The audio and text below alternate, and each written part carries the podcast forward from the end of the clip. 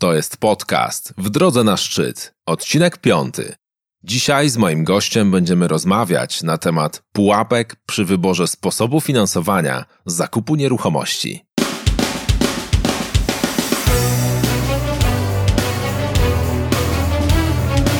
Cześć, mówi Paweł Lenar. Witam Cię w piątym odcinku podcastu W drodze na szczyt. W tym programie podpowiadam, jak stawać się lepszym liderem, zwiększać sprzedaż i szybciej rozwijać biznes. Jeżeli jesteś osobą, która podjęła decyzję, aby dotrzeć na szczyt w swojej dziedzinie, zachowując przy tym życiową równowagę i budując wymarzony styl życia, to oznacza, że ten podcast jest dla Ciebie. Zakup mieszkania to dla wielu ludzi jedna z najważniejszych decyzji finansowych w życiu.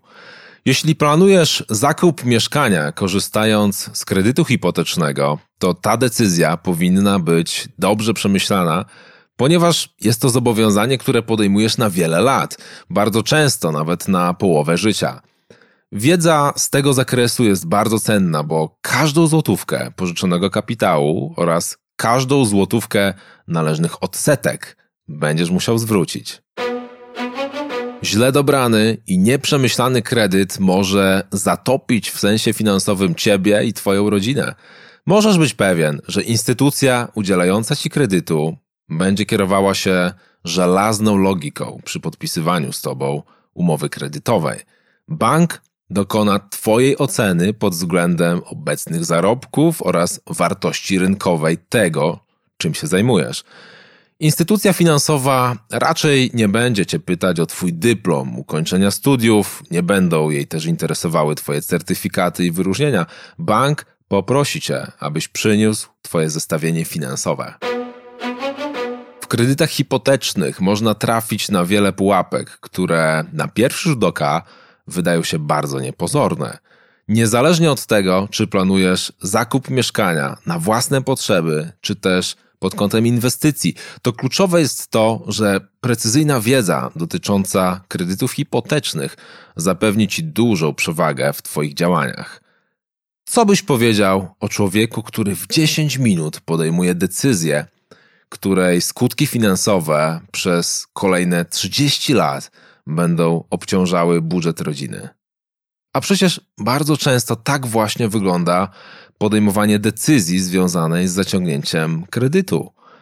Dlatego w dzisiejszym odcinku podcastu W drodze na szczyt postanowiłem przeprowadzić wywiad z jednym z czołowych ekonomistów i doradców kredytowych w Polsce, Pawłem Majewiczem. Paweł jest częstym gościem programów telewizyjnych, w których jako ekspert zajmuje głos w kwestiach wydarzeń związanych z finansami.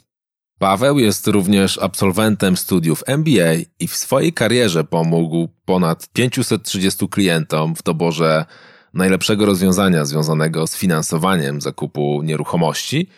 Dodam jeszcze, że Paweł jest moim wieloletnim przyjacielem i doradcą w kwestiach ubezpieczeniowo-finansowych.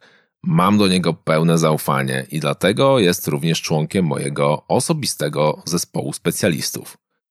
Podczas dzisiejszej rozmowy zadam mu kilka ważnych pytań dotyczących kredytów hipotecznych oraz tego, jak można uniknąć pułapek z nimi związanych.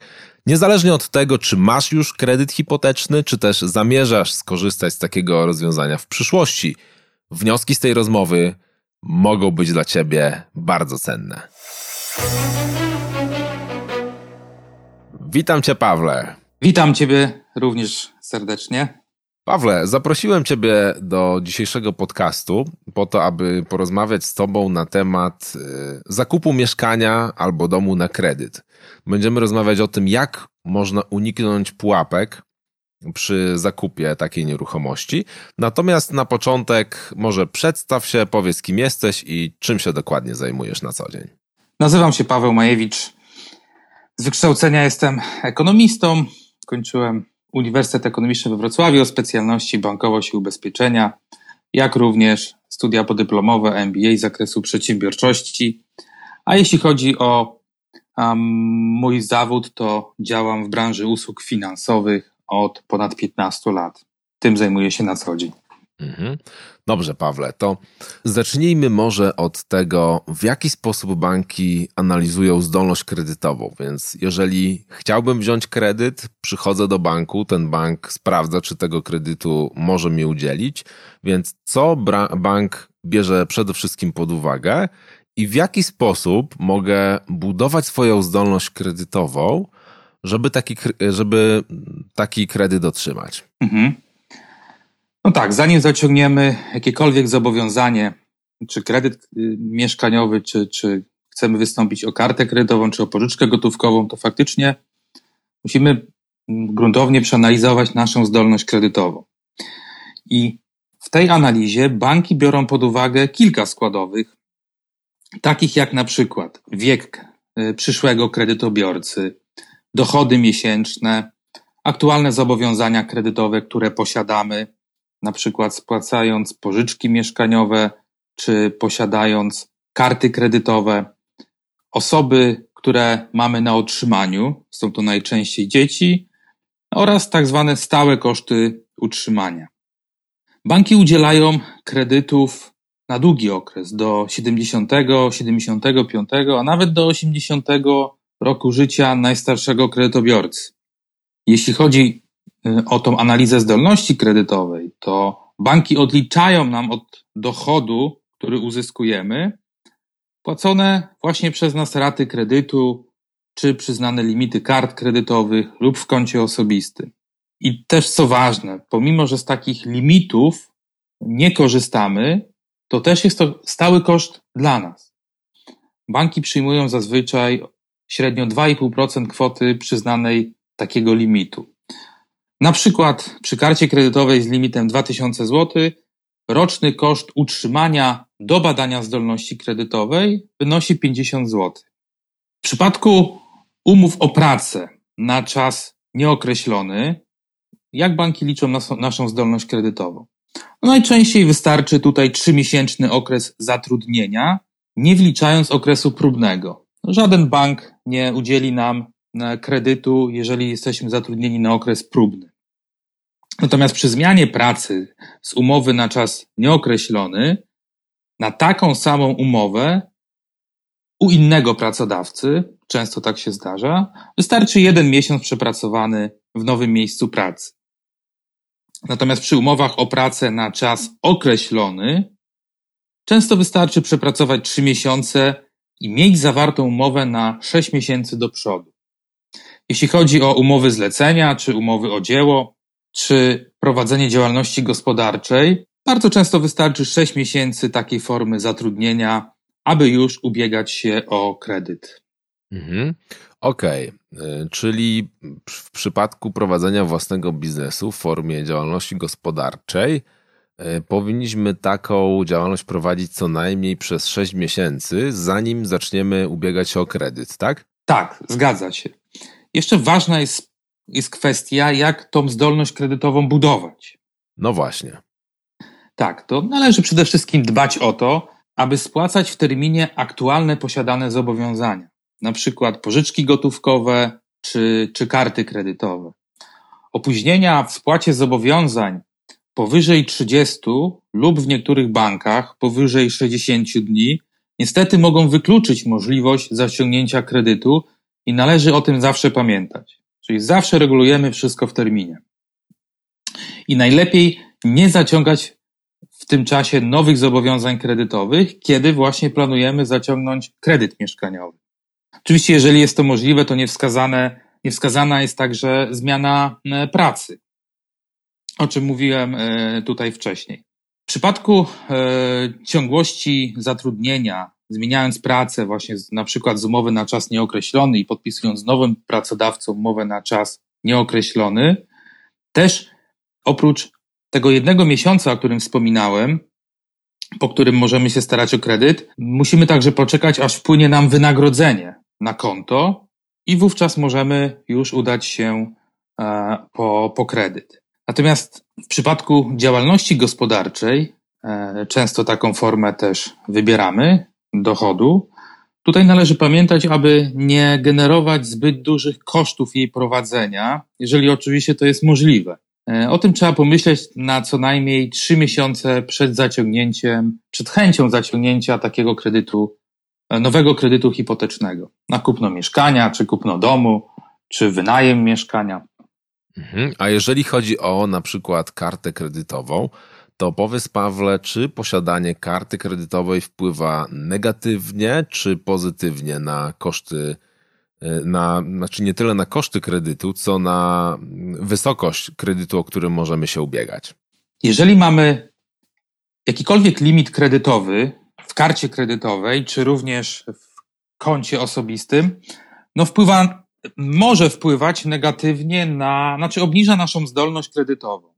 Ponieważ nawet jeżeli nie korzystamy z karty kredytowej, a mamy przyznany limit, wówczas mniej więcej koło, około 2,5% średniej kwoty przyznanej takiego limitu stanowi roczny koszt utrzymania takiego produktu bankowego. Natomiast tutaj, jeżeli mamy powiedzmy większą kwotę przyznanego, przyznanej, przyznanego limitu na karcie kredytowej, to tym nie należy się zbytnio przejmować, ponieważ w momencie, kiedy składamy wniosek o kredyt mieszkaniowy, możemy poinformować doradcę kredytowego, że w momencie, kiedy na przykład brakowałoby nam e, uzyskania e, pożądanej zdolności kredytowej, możemy albo, że my zgadzamy się albo na obniżenie limitu karty kredytowej, albo wręcz na zamknięcie tej karty kredytowej. Okej, okay, a mam jeszcze takie pytanie. Czy regularne spłacanie karty kredytowej ma wpływ e, na budowanie naszej wiarygodności jako kredytobiorcy. Czy to, czy to się liczy tutaj e, przy analizie? Oczywiście, że tak. I to liczy się bardzo. Nie tylko spłacanie regularne karty kredytowej, ale również innych wszystkich zobowiązań e, ma bardzo duże znaczenie, jeśli chodzi o przyszłą zdolność kredytową. Należy zapamiętać z tego to, że opóźnienia w spłacie jakiegokolwiek zobowiązania powyżej 30 dni mogą wykluczyć uzyskanie kredytu, a przede wszystkim kredytu w banku lub w bankach, które mają dość dobre oferty kredytowe. Mhm. A e, słuchaj, a jeszcze jedna rzecz. Załóżmy, że w, w jednym banku mam kartę kredytową, którą regularnie powiedzmy spłacam, ale kredyt będę chciał wziąć w zupełnie innym banku. Czy tamten drugi bank, w którym biorę kredyt, będzie miał informacje na temat tego, jak, jak regularnie spłacałem swoją kartę kredytową? Tak, oczywiście. Każdy bank będzie miał taką informację, ponieważ w momencie składania wniosku o kredyt mieszkaniowy, bank wyrażamy zgodę na sprawdzenie naszych zobowiązań w tak zwanym Banku Informacji Kredytowej, czyli w BIK-u. Jest to instytucja, która do której trafiają wszystkie informacje o posiadanych przez nas zobowiązaniach w bankach. Więc jeżeli mamy, tak jak wspomniałeś, kartę kredytową, czy limit w koncie, czy jakąkolwiek pożyczkę gotówkową, czy nawet jeżeli coś wzięliśmy na raty lub uwaga, podżyrowaliśmy komuś kredyt czy pożyczkę gotówkową, to również jesteśmy w takim przypadku traktowani jako współkredytobiorcy i takie informacje do BIK-u trafiają. Także banki mają pełną informację o naszych zobowiązaniach, które zaciągnęliśmy oczywiście w bankach komercyjnych. Mhm. A powiedz mi, Pawle, czy jest jakaś możliwość, żebym ja na przykład mógł sprawdzić swoją, e, to co jest, e, wszystkie informacje, które są w biku na mój temat? Tak, oczywiście. I do tego zachęcałbym e, wszystkich przyszłych kredytobiorców, albo prawie wszystkich. Jak można to zrobić? Ano, można to zrobić na E, jakby dwa sposoby. Można załatwić sobie, ściągnąć taki raport kredytowy ze strony Biura Informacji Kredytowej z www.bik.pl wpłacając, bank, e, przepraszam, Biuro Informacji Kredytowej identyfikuje nas po przelewie bankowym, który dokonujemy za zakup takiego raportu kredytowego. Należy dokonać przelewu, w tej chwili to jest kwota około 30 zł za uzyskanie pełnej, pełnego raportu o posiadanych zobowiązaniach. Tym bardziej zachęcałbym szczególnie do, do ściągnięcia takiego raportu e, własnego w przypadku, kiedy nie jesteśmy pewni, czy na przykład kiedyś, co się często zdarza na przykład u moich klientów, Kiedyś, e, jeżeli kupowali coś na raty w danym sklepie, na przykład, mogli również podpisać świadomie e, bądź nieświadomie umowę o kartę kredytową, której nigdy nie aktywowali. W momencie, kiedy już ta umowa weszła w życie, na przykład pożyczka na raty, kupno telewizora na raty, kiedy nie używaliśmy tej karty kredytowej, za nią się, na, za tą kartę naliczały się opłaty miesięczne. I jeżeli nie regulowaliśmy w terminie tych opłat miesięcznych, czyli w tym terminie 30-dniowym od naliczenia tej opłaty, wówczas mamy opóźnienie w spłacie właśnie tego zobowiązania i ono jest widoczne e, w takim raporcie Biura Informacji Kredytowej. Natomiast to też nie jest, też nie zamyka nam drogi do otrzymania kredytu mieszkaniowego takie opóźnienie. Możemy spłacić zaległe zobowiązanie i możemy tą jak również po spłacie zaległego zobowiązania możemy mm, tą historię w tym raporcie wyczyścić. Mhm. A powiedz mi, na jakiej stronie internetowej można sobie właśnie sprawdzić tą swoją historię kredytową? No w tej chwili e, jest dostępna strona e, www.big na końcu kajakkrystyna.pl. Mhm. I strona jest, jest dość przejrzysta. Trzeba wejść w zakładkę o zakładkę raportu kredytowego o sobie i dość intuicyjnie przejść, aby go uzyskać. Czyli wszystko możemy sobie sprawdzić na tej stronie i to jest koszt około 30 zł, tak? W tej chwili tak, jest to koszt około 30 zł i wszystko możemy załatwić przez internet. Możemy też udać się do banku. W niektórych bankach również można uzyskać raport kredytowy. Ewentualnie możemy, e, no jeżeli mieszkamy w Warszawie, udać się do siedziby e, Biura Informacji Kredytowej i od ręki bez kolejek. E, Taką informację. Uzyskać, tak, taki raport w formie papierowej uzyskać i wówczas raz na pół roku taki raport mamy za darmo. Aha, czyli w, w centrali... Wersji papierowej. W wersji papierowej możemy za darmo taki raport sobie sprawdzić. E, I co w tym raporcie możemy znaleźć? W tym raporcie mamy informacje o wszystkich posiadanych przez nas zobowiązaniach, a więc posiadanych kartach kredytowych i przyznanych limitach do tych kart kredytowych, posiadanych limitach, ewentualnych posiadanych limitach w rachunku osobistym, tak zwanym debecie przyznanym. Mhm. Nawet jak nie korzystamy z tego debetu, to i tak ta informacja w biku się znajduje. O pożyczkach gotówkowych, które e, ewentualnie zaciągnęliśmy, o tym, czy podżyrowaliśmy komuś kredyt. Mhm. Również, na przykład. Czyli to obniża naszą e, zdolność kredytową, jeżeli komuś e, podżerowaliśmy kredyt, tak? Tak, oczywiście, bo jesteśmy traktowani jako współkredytobiorcy, pomimo że my nie spłacamy tego zobowiązania. Natomiast w przypadku, gdy ta osoba, której podżerowaliśmy kredyt, nie spłaca e, tego, tej pożyczki, mhm. no to wówczas to zobowiązanie przechodzi na nas i my jesteśmy z, y, zobowiązani do spłaty rat kredytowych i dlatego banki traktują y, żerowanie kredytu jako Y, jako stałe obciążenie kredytowe, co z kolei obniża nam zdolność kredytową. Czyli tutaj możemy powiedzieć, że to jest jedna właśnie z tych pułapek. Jeżeli zamierzamy w przyszłości zaciągnąć e, kredyt na zakup na przykład mieszkania, to warto uważać na, na to, aby właśnie nie zniszczyć swojej wiarygodności kredytowej poprzez e, podżerowanie komuś wysokiego kredytu. Tak? Jak najbardziej tak. Jak mhm. najbardziej tak. Warto, jeżeli już podżyrowaliśmy taki kredyt, no to warto e, przed zaciągnięciem, przed złożeniem wniosku o kredyt mieszkaniowy właśnie e, przede wszystkim po pierwsze skontaktować się z tą osobą, której podżyrowaliśmy, zapytać, czy spłaca w terminie. No ale tak jak rozmawialiśmy wcześniej, w takim przypadku niezbędne będzie sprawdzenie właśnie swojego raportu w Biurze Informacji Kredytowej. Okej, okay, a załóżmy, że jestem u kogoś żyrantem czyjegoś kredytu, czy jeżeli ja chcę wziąć e, kredyt dla siebie, to czy mogę e, zmienić zapisy w tej umowie, żeby już tym e, żyrantem nie być?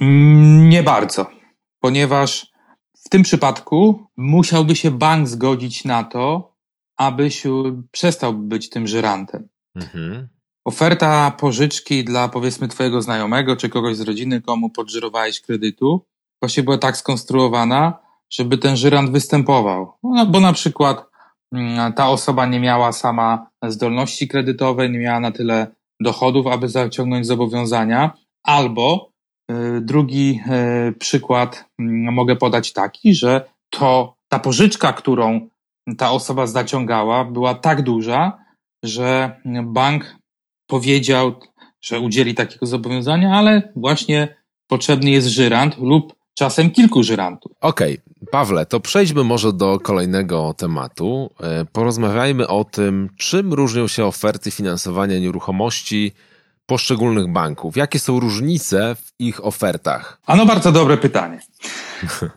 Oferty i, i, i bardzo znaczące właśnie przy zaciąganiu kredytu. Właśnie oferty różnią się tak zwanymi składowymi. Na, na przykład z tymi e, składowymi składnikami oprocentowania e, kredytu mieszkaniowego są marża banku, czyli ta kwota, e, od której liczone są raty kredytu, na której bank zarabia, oraz tak zwana stopa WIBOR. Mhm. To jest stopa, po której banki pożyczają sobie pieniądze, stopa y, WIBOR 3-miesięczny lub 6-miesięczny. I właśnie na oprocentowanie składa się marża banku i plus stopa WIBOR. Marża banku, uwaga, jest ustalana raz w momencie zaciągnięcia kredytu i nie można jej zmienić bez zgody klienta.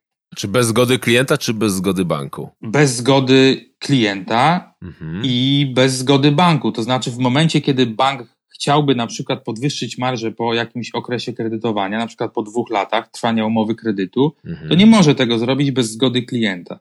No to klient raczej chyba się nie zgodzi na podwyższenie tak. tej opłaty.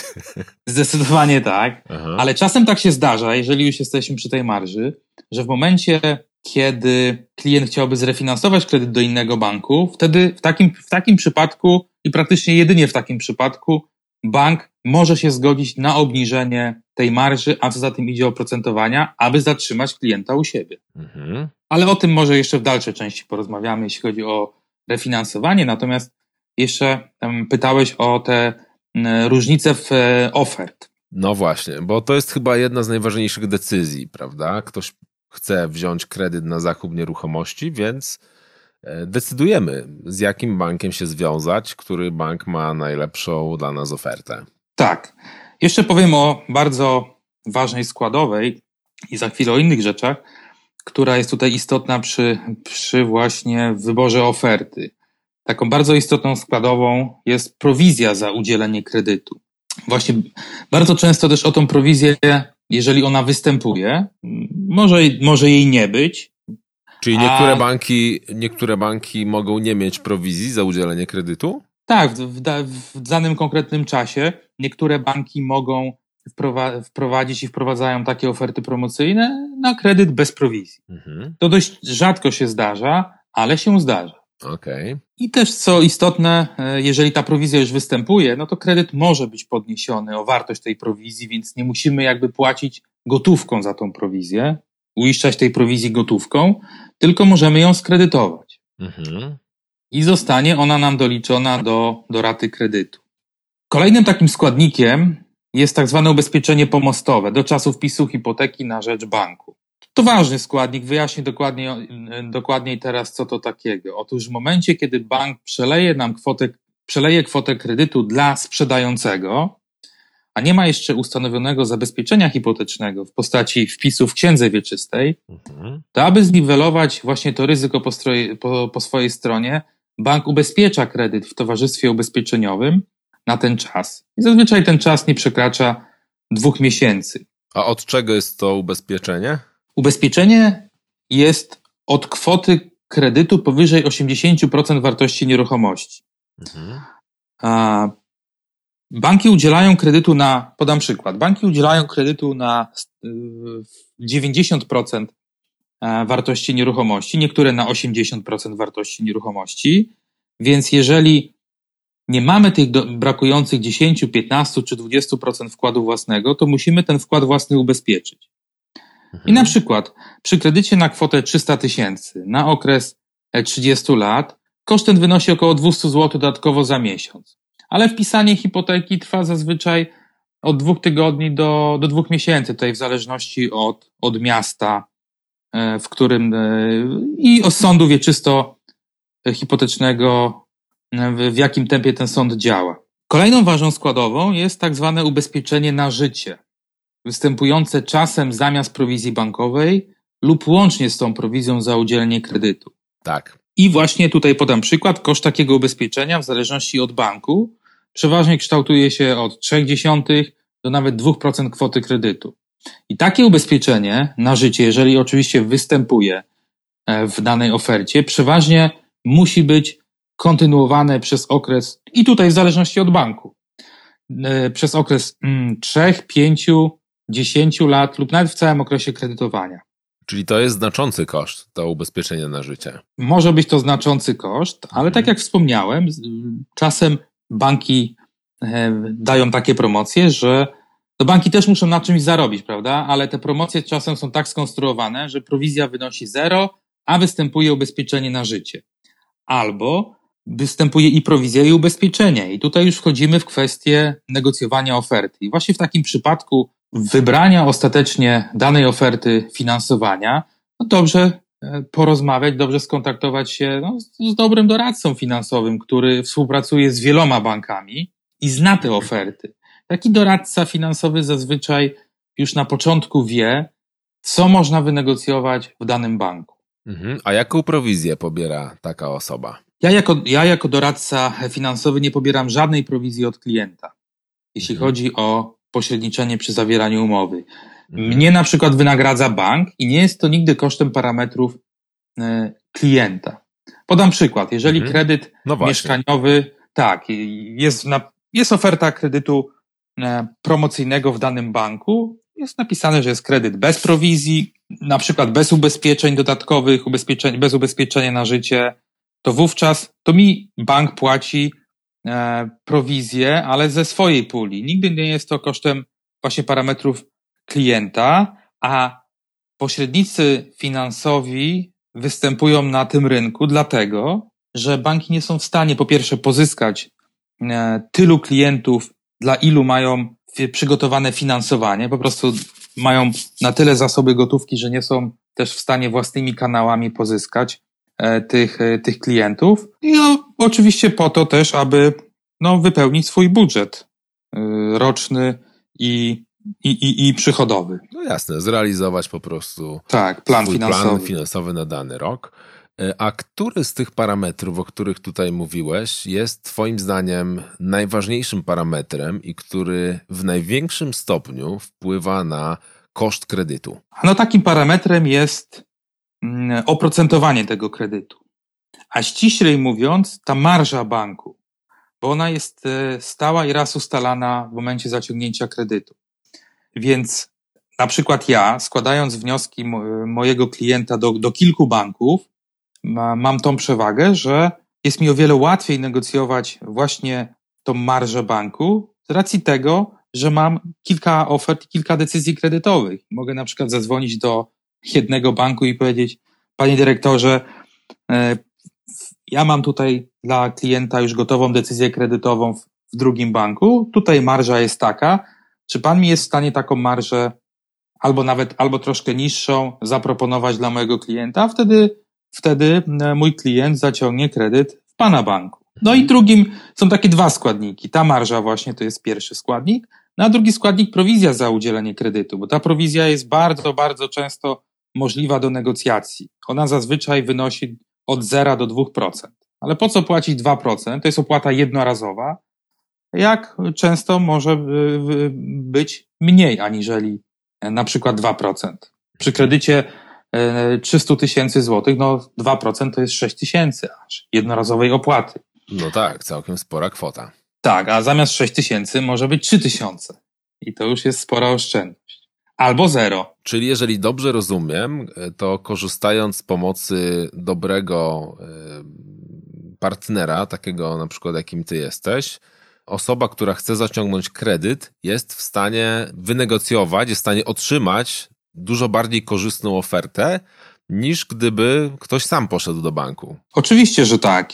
I to w każdym przypadku się to sprawdza. Jeżeli udajemy się samemu do banku, a jeszcze jeżeli powiemy, że tylko składamy wniosek w tym banku, no to po prostu doradca kredytowy w danym banku, czy dyrektor tego oddziału zazwyczaj są zainteresowani, żeby jak najwięcej zarobić dla, dla siebie i, i, i dla banku.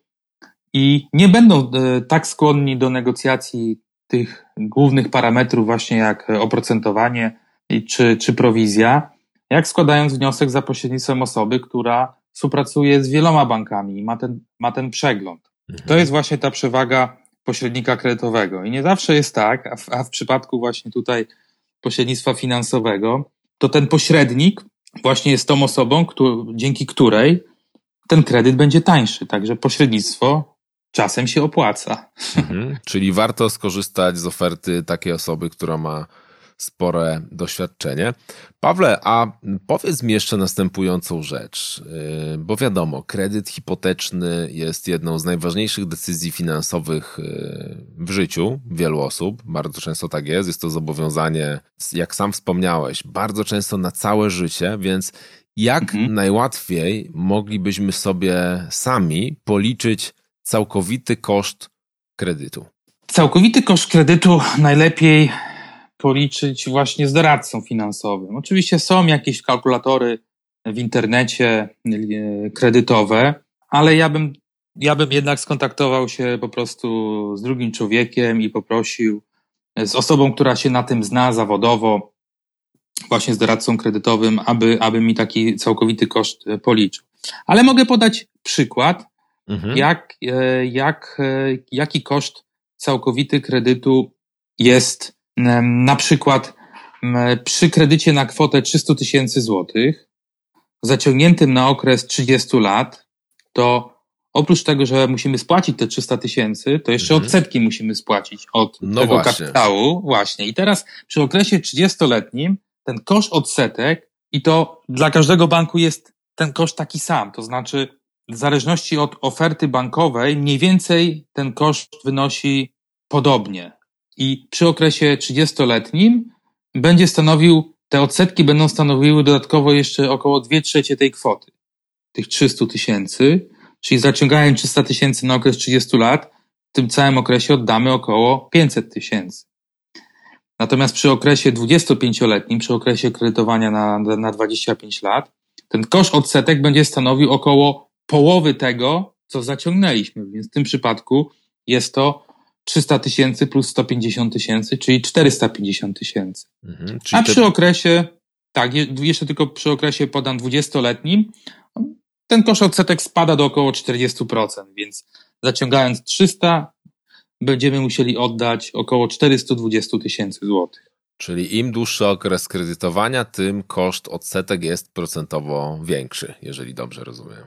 Tak, i to dotyczy każdej pożyczki, nie tylko hipotecznej, również gotówkowej.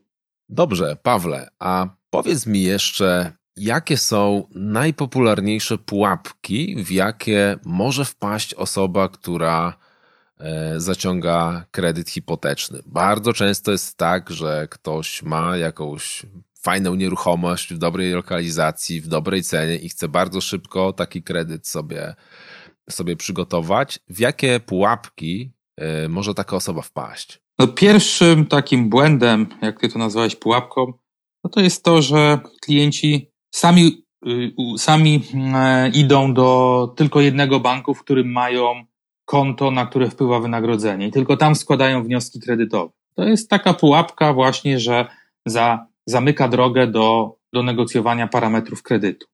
Mhm. Na, natomiast no, chcąc zaciągnąć kredyt mieszkaniowy, przede wszystkim musimy się zastanowić i przeliczyć też dla siebie, czy mimo posiadania zdolności kredytowej na daną kwotę kredytu będzie nas stać na spłaty przedstawionych rat kredytowych, abyśmy właśnie e, po jakimś czasie nie wpadli w taką pułapkę zbyt wysokiego zadłużenia. No, podam przykład. Mhm.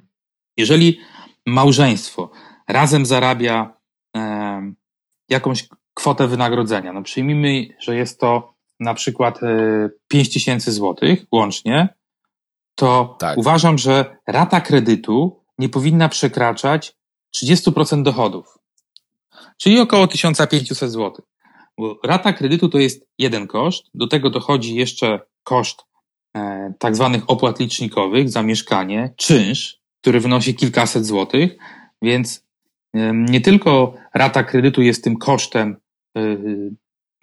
kupna tego mieszkania, ale również dodatkowe opłaty. No tak, mamy nowy dom, więc wiadomo, ten dom generuje też wysokie comiesięczne koszty utrzymania. Właśnie o to chodzi i to trzeba też, e, też e, wziąć e, pod uwagę. Mhm. Natomiast w umowie kredytowej wszystkie te parametry, o których wcześniej mówiłem, one są dokładnie opisane i nie ma już, tak jak to kiedyś było, jakichś, jakichś ukrytych parametrów, które, które znajdują się w umowie które po prostu nas obciążają, a nie są zapisane w umowie kredytowej. Mhm. Te czasy już minęły. Natomiast warto też e, zwracać uwagę na to, abyśmy zawsze pytali na początku e, tego naszego doradcy kredytowego, jaka jest oferta standardowa, a co może dla nas potencjalnie wynegocjować, tak? Żebyśmy, żeby jakby uniknąć tej Y, pułapki tej pierwszej oferty kredytowej. Pierwsza oferta kredytowa jest z jakimś tam oprocentowaniem, z jakąś tam prowizją, tak? Ale musimy zadawać pytania. Y, no, dobry doradca kredytowy sam powie, co, co może dla, dla klienta wynegocjować, aby ta, powiedzmy, aby uniknąć tych takich pułapek zbyt wysokiego kosztu kredytu. Czyli wszystko warto negocjować, każdy parametr i e, Twoim zdaniem nie warto przyjmować e, pierwszej oferty, którą otrzymamy na przykład z banku, w którym mamy swoje konto, bo myślę, że wiele osób właśnie w ten sposób postępuje, że udaje się do banku, w którym mamy założone swoje konto i tam bierzemy po prostu, zaciągamy kredyt. Twoim zdaniem jest to dobre rozwiązanie, czy poleciłbyś coś innego? Podam przykład ostatniego klienta, z którym właśnie rozmawiałem na ten temat. Mhm. Otóż klient mój ma konto w jednym z banków, dużych, znanych, no i przyszedł do mnie po kredyt mieszkaniowy. No i zaproponowałem kilka banków, w tym, w tym ten bank, w którym ma konto. Ale klient uparł się i mówi, powiedział mi, że do tego banku on jednak sam złoży wniosek kredytowy, a ja żebym złożył do pozostałych banków. Mhm. Zapytałem więc o to, żeby pokazał mi, jaką dostał ofertę kredytową w tym danym banku. Tak. Więc, tą, więc tą ofertę przesłał mi na maila. I co się okazało? Oczywiście nie zawsze tak bywa, ale bardzo, bardzo często. Okazało się, że w tym jego banku oprócz prowizji za udzielenie kredytu, również mu, przedstawiono mu ofertę, że musi zakupić ubezpieczenie na życie. Otóż, Aha. E, a ja wiem, że akurat w tym danym banku tego ubezpieczenia na życie może nie być. To znaczy, można wynegocjować w ten sposób zapisy, żeby tylko występowała ta, ta prowizja, która i tak jest tam niewielka. Więc przekonałem w ten sposób klienta, że jeżeli złoży za moim pośrednictwem wniosek do tamtego banku, to tego ubezpieczenia na życie nie będzie musiał wykupować. No, klient się zgodził i faktycznie tak się stało, bo ten parametr wynegocjowałem i ten kredyt był tańszy. Oczywiście ubezpieczenie na życie warto mieć, to tak jak już jesteśmy przy ubezpieczeniach. No właśnie. To, tak, to, to, to, to kilka słów na ten temat warto, ale warto, wiesz, kupować mm, takie ubezpieczenie poza bankiem. A wy, wychodzi e, bardziej korzystnie, jeżeli kupimy takie ubezpieczenie na życie poza bankiem, niż jeżeli mielibyśmy kupić razem z kredytem? Bardzo często, dlatego że ubezpieczenia, które są oferowane przez banki, to też są dobre ubezpieczenia. Natomiast bardzo dobre ubezpieczenia są zazwyczaj te, które są kupowane bezpośrednio w towarzystwie ubezpieczeń na życie. Po prostu one mają szerszą ofertę, mają mniej wykluczeń i są y, zazwyczaj tańsze. Czyli warto sobie to sprawdzić, warto to porównać, y, zakres ubezpieczenia, kwotę ubezpieczenia, jeżeli już decydujemy się na to, żeby takie ubezpieczenie występowało. No bardzo ważnym jest tak, i bardzo ważne jest to, aby pamiętać, że jeżeli zaciągamy takie zobowiązanie, szczególnie jeżeli jest małżeństwo, powiedzmy, w, w którym jedna osoba nie pracuje, a jest tylko jeden żywiciel rodziny, prawda, to, to warto, aby ten, y, przede wszystkim ten główny żywiciel rodziny był ubezpieczony no, na wypadek yy, śmierci, tak, bo gdyby się coś złego niestety przytrafiło, a nie, nale- a nie możemy wykluczyć y, różnych nie, nie, nieprzewidzianych sytuacji w życiu, również tych tragicznych, mhm. to wówczas trzeba zapewnić środki współmałżonkowi na spłatę. No przynajmniej spłatę kredytu. tego tak. zobowiązania, tak. prawda? Żeby ta druga tak. osoba nie została e, z kredytem do spłacania. Czy w Twojej e, dotychczasowej karierze zdarzały się takie przypadki? Niestety tak. Mhm. Niestety tak i e, dopiero jakby po czasie niektórzy klienci e, no, zrozumieli, że jednak warto było posiadać to ubezpieczenie na życie. Ja uważam, wiesz, przede wszystkim, że tak. jeżeli stać nas na, na zaciągnięcie kredytu mieszkaniowego i na spłatę tych rat, mhm. to też musi nas stać być na posiadanie właśnie ubezpieczenia e, na życie. No na pewno, na pewno jeżeli mamy rodzinę, to daje to duży komfort po prostu psychiczny. Dokładnie tak. Ja już tutaj nie mówię o takim ubezpieczeniu, wiesz, kapitałowym, odkładania sobie środków, ale takim o, o takim ubezpieczeniu wypadkowym, właśnie na wypadek śmierci, czy niezdolności do pracy, mhm. czy jakiegoś poważnego zachorowania. Dobrze, Pawle, a jeżeli mamy zaciągnięty już kredyt hipoteczny, który spłacamy już przez pewien okres czasu, i nagle zdajemy sobie sprawę z tego, że te warunki kredytu, y, na których go zaciągnęliśmy, nie są zbyt korzystne. To, czy można przenieść się z tym kredytem do innego banku, który ma lepszą ofertę, y, czy jest to możliwe i przede wszystkim, czy to się po prostu opłaca? Zawsze możemy przenieść kredyt do innego banku. Tego nam żaden bank nie może zabronić. Mhm. Znaczy, mam tutaj na myśli bank, w którym zaciągnęliśmy pierwszy kredyt. Tak. I właśnie dobrze o to zapytałeś, bo czasem tak się zdarza, że e, pojawia się lepsza oferta, z której możemy skorzystać i wówczas warto kredyt przenieść. Nierzadko w momencie zaciągania tego pierwszego kredytu posiadamy zdolność kredytową tylko w kilku bankach. Nie jesteśmy z, w tamtym czasie byliśmy zmuszeni na przykład zaciągnąć kredyt nieco droższy od średniej ceny rynkowej. A na przykład z takiego powodu, że nie zarabialiśmy na tyle jeszcze, aby mieć zdolność na przykład we wszystkich bankach. Natomiast po jakimś czasie, kiedy już zaczniemy więcej zarabiać, nasza zdolność w takim przypadku, y, mhm. kiedy, kiedy, kiedy te, te dochody nam wzrosną, to nasza zdolność kredytowa się zwiększa i wa warto właśnie wówczas spotkać się ponownie z, z, z doradcą kredytowym i zapytać o zrefinansowanie kredytu, kredytu do innego banku, y, bo być może trafi się oferta, gdzie ten kredyt w jakimś innym banku będzie po prostu tańszy, będziemy, będziemy przez to płacili niższe raty kredytowe. Także jak najbardziej tak, warto, warto to mieć na uwadze. A jak to w praktyce wygląda? Czy zdarzało Ci się przenosić kredyty do innego banku i później ta oferta w tym nowym banku była lepsza od starej? Tak, zdarzało mi się. Należy uzyskać, e, należy zgłosić się do, do danego banku, uzyskać zaświadczenie, ile tego kredytu jest do spłaty. No i z takim przygotować aktualną umowę kredytową, no i możemy wówczas starać się o kredyt w innym banku. Dlaczego też czasem właśnie przenosi się te kredyty? Mhm. W danym czasie na przykład jest tendencja do, banki stosują, stosują takie promocje powiedzmy zbliżone, gdzie marża jest tam na jakimś tam poziomie, na przykład na, na poziomie około 2%, ale na przykład po pół roku czy po dwóch latach może się okazać, że sytuacja na rynku jest tak dobra, że banki obniżają tą, e, tą marżę kredytową i na przykład ta marża wynosiła załóżmy 2%, a może wynosić 1 albo 1,5%. I wówczas mm, te, te, te dziesiąte procentów które są zawarte w oprocentowaniu, mają bardzo, bardzo duże i kluczowe znaczenie dla płaconych przez nas rat kredytowych, ponieważ kredyt mieszkaniowy to nie jest 10 czy 20 tysięcy, tylko to jest kilkaset tysięcy zaciągniętego zobowiązania. Więc ten 1% to może być znacząca część. Bardzo, tak. Tak, bardzo może być znacząca ta część. Aha właśnie tego, tego, tego jednego czy pół procenta. Tak, czyli w ten sposób możemy obniżyć sobie e, na przykład e, wysokość miesięcznej raty i warto sprawdzić, czy w danej chwili, e, czy opłacałoby nam się przenieść ten kredyt do innego banku. Zgadza się. To tak mniej więcej e, można porównać do przykładu e, rynku telefonii komórkowej. Jeszcze mhm. powiedzmy dwa lata temu abonamenty były wyższe, prawda? A teraz cały czas te ceny abonamentów spadają.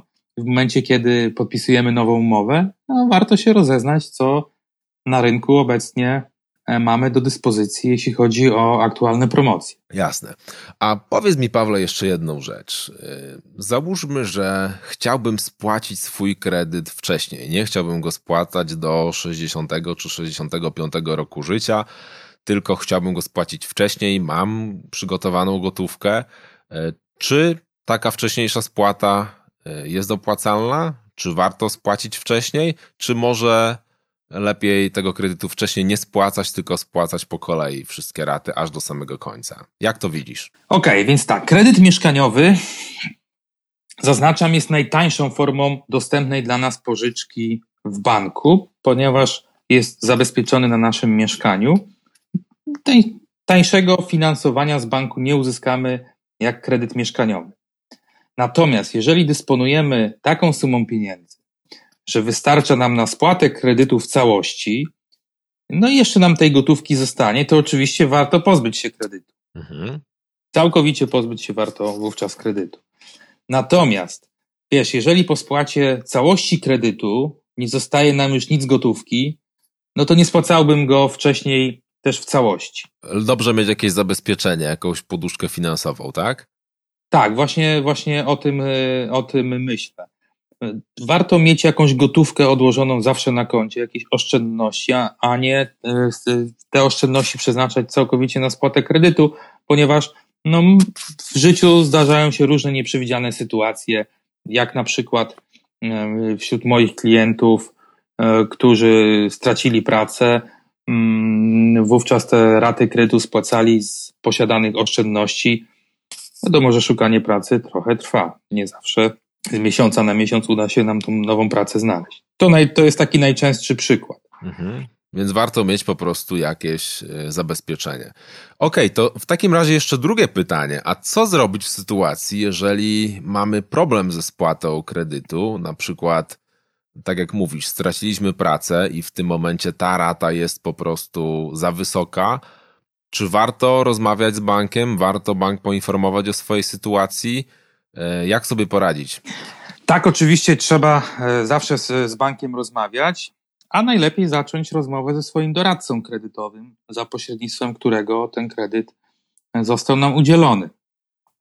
Nigdy nie należy jakby tego tematu odpuszczać. Jeżeli faktycznie mamy problemy ze spłatą, to ba- y, trzeba od razu udać się do, do doradcy, do banku i powiedzieć, że, że mamy taki problem. Tak, a w jaki sposób ten doradca byłby w stanie nam pomóc w tej, w tej sytuacji? Tu w zależności w jakim banku uzyskaliśmy kredyt mieszkaniowy, ten doradca będzie wiedział, czy ten bank na przykład zezwoli nam na tak zwane wakacje kredytowe przez jeden miesiąc, przez dwa miesiące, a może przez trzy miesiące, a może nawet do pół roku. A na czym polegają te wakacje finansowe? No, polega to, polegają na tym, że w tym czasie, na przykład przez okres trzech miesięcy, nie musimy spłacać tych rat kredytowych, albo tylko będziemy zobowiązani do spłacania tej części odsetkowej raty kapitałowej.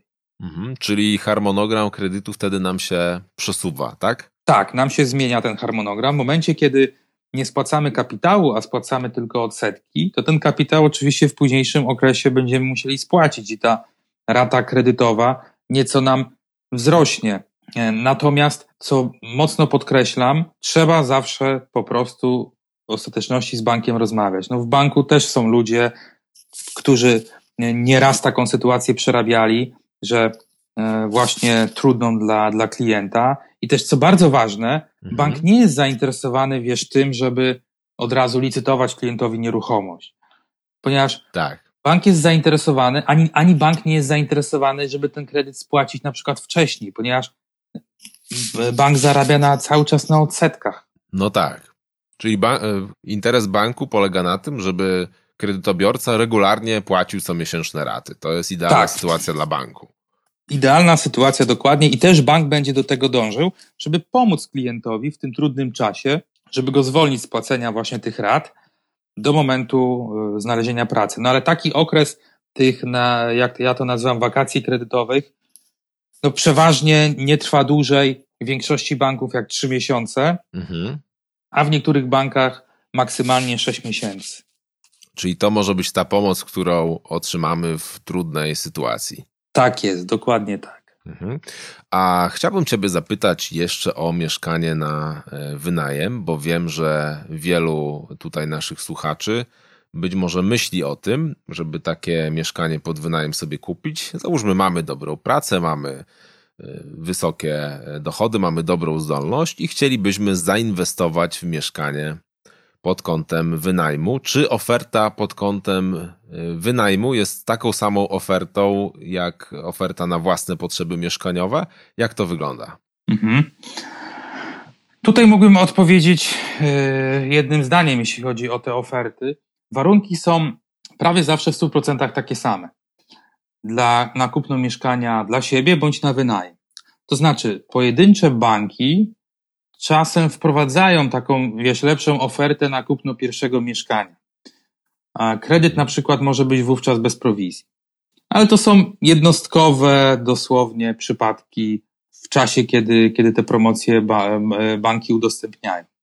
Natomiast jeżeli właśnie posiadamy tą zdolność kredytową, tutaj znowu warto się mhm. skontaktować z tym doradcą kredytowym, który współpracuje z wieloma bankami. Jeżeli tą zdolność już posiadamy, wyliczyliśmy ją, to właśnie warto zastanowić się nad kupnem mieszkania na wynajem. Mieszkanie e, kupione w dobrej lokalizacji, na przykład przy ciągach komunikacyjnych, czy w większych miastach w pobliżu e, uczelni wyższych, mhm. bardzo często spłaca się nam samo. A więc, mhm.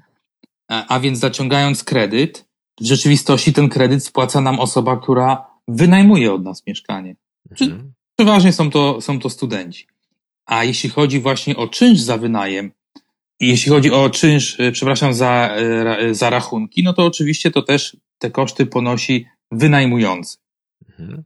I, I często się tak zdarza, że z kolei ten czynsz za wynajem to nie tylko spłaca nam kredyt mieszkaniowy, a nawet kilkaset złotych miesięcznie możemy na tym zarobić. Czyli może to generować jeszcze dla nas dodatkowe zyski, jak również z upływem kolejnych lat w coraz większym stopniu to mieszkanie staje się po prostu naszą własnością.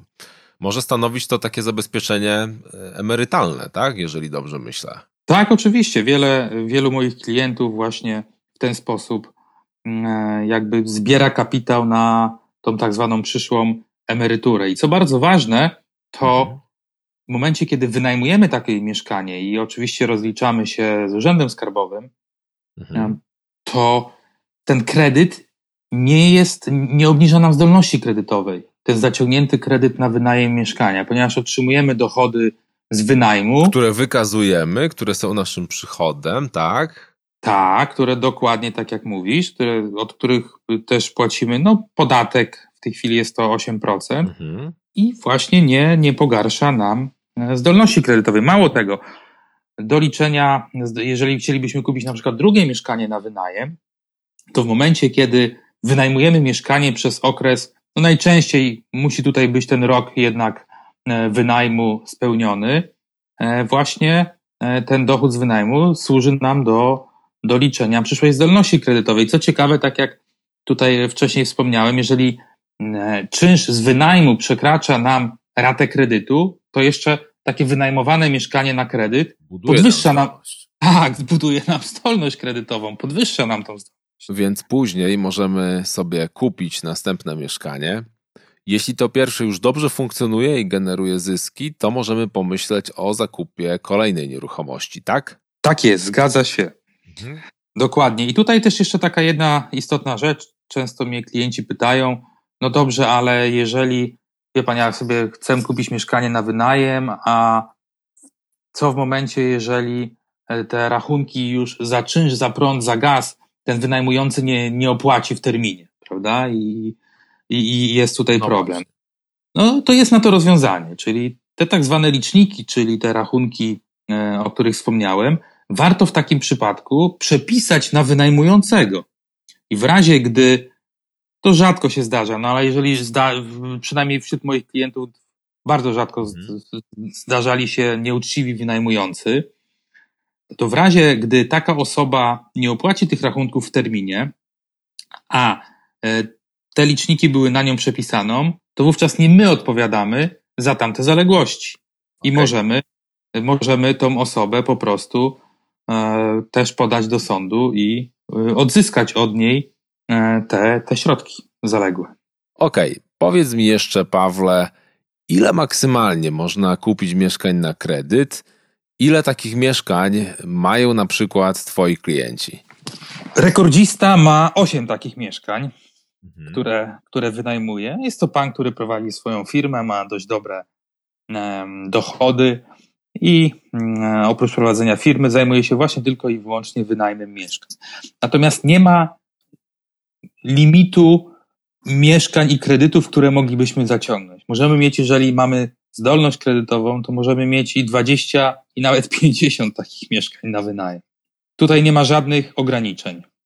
Jeżeli oczywiście nam zdolność kredytowa na to pozwala, to jak najbardziej tak, możemy, możemy mieć tych mieszkań wiele. Pytanie tylko, czy damy radę po prostu y, też y, jakby doglądać tych mieszkań. Okej, okay, czyli obsłużyć cały proces. To jest pewnością temat na cały osobny odcinek. Pawle, podsumowując, jeśli mógłbyś powiedzieć na koniec, na czym dokładnie polega Twoja praca, jak pomagasz klientom i kiedy ewentualnie warto się do Ciebie zwrócić? Taka osoba powinna się oczywiście zwrócić w momencie, kiedy, kiedy już jest na etapie poszukiwania mieszkania, niekoniecznie kiedy już to mieszkanie znalazła. Natomiast ja zawsze podchodzę tak do swoich klientów, jak to ja bym miał kupić to mieszkanie, które kupuje mój klient. Aha. I zawsze wybieram dla klienta najkorzystniejszą ofertę kredytu mieszkaniowego w danym czasie i w danym banku, jeżeli oczywiście w tym danym banku posiada zdolność kredytową. A więc no, zawsze kieruję się tutaj interesem klienta, no inaczej na tym rynku bym się e, nie utrzymał mhm. też.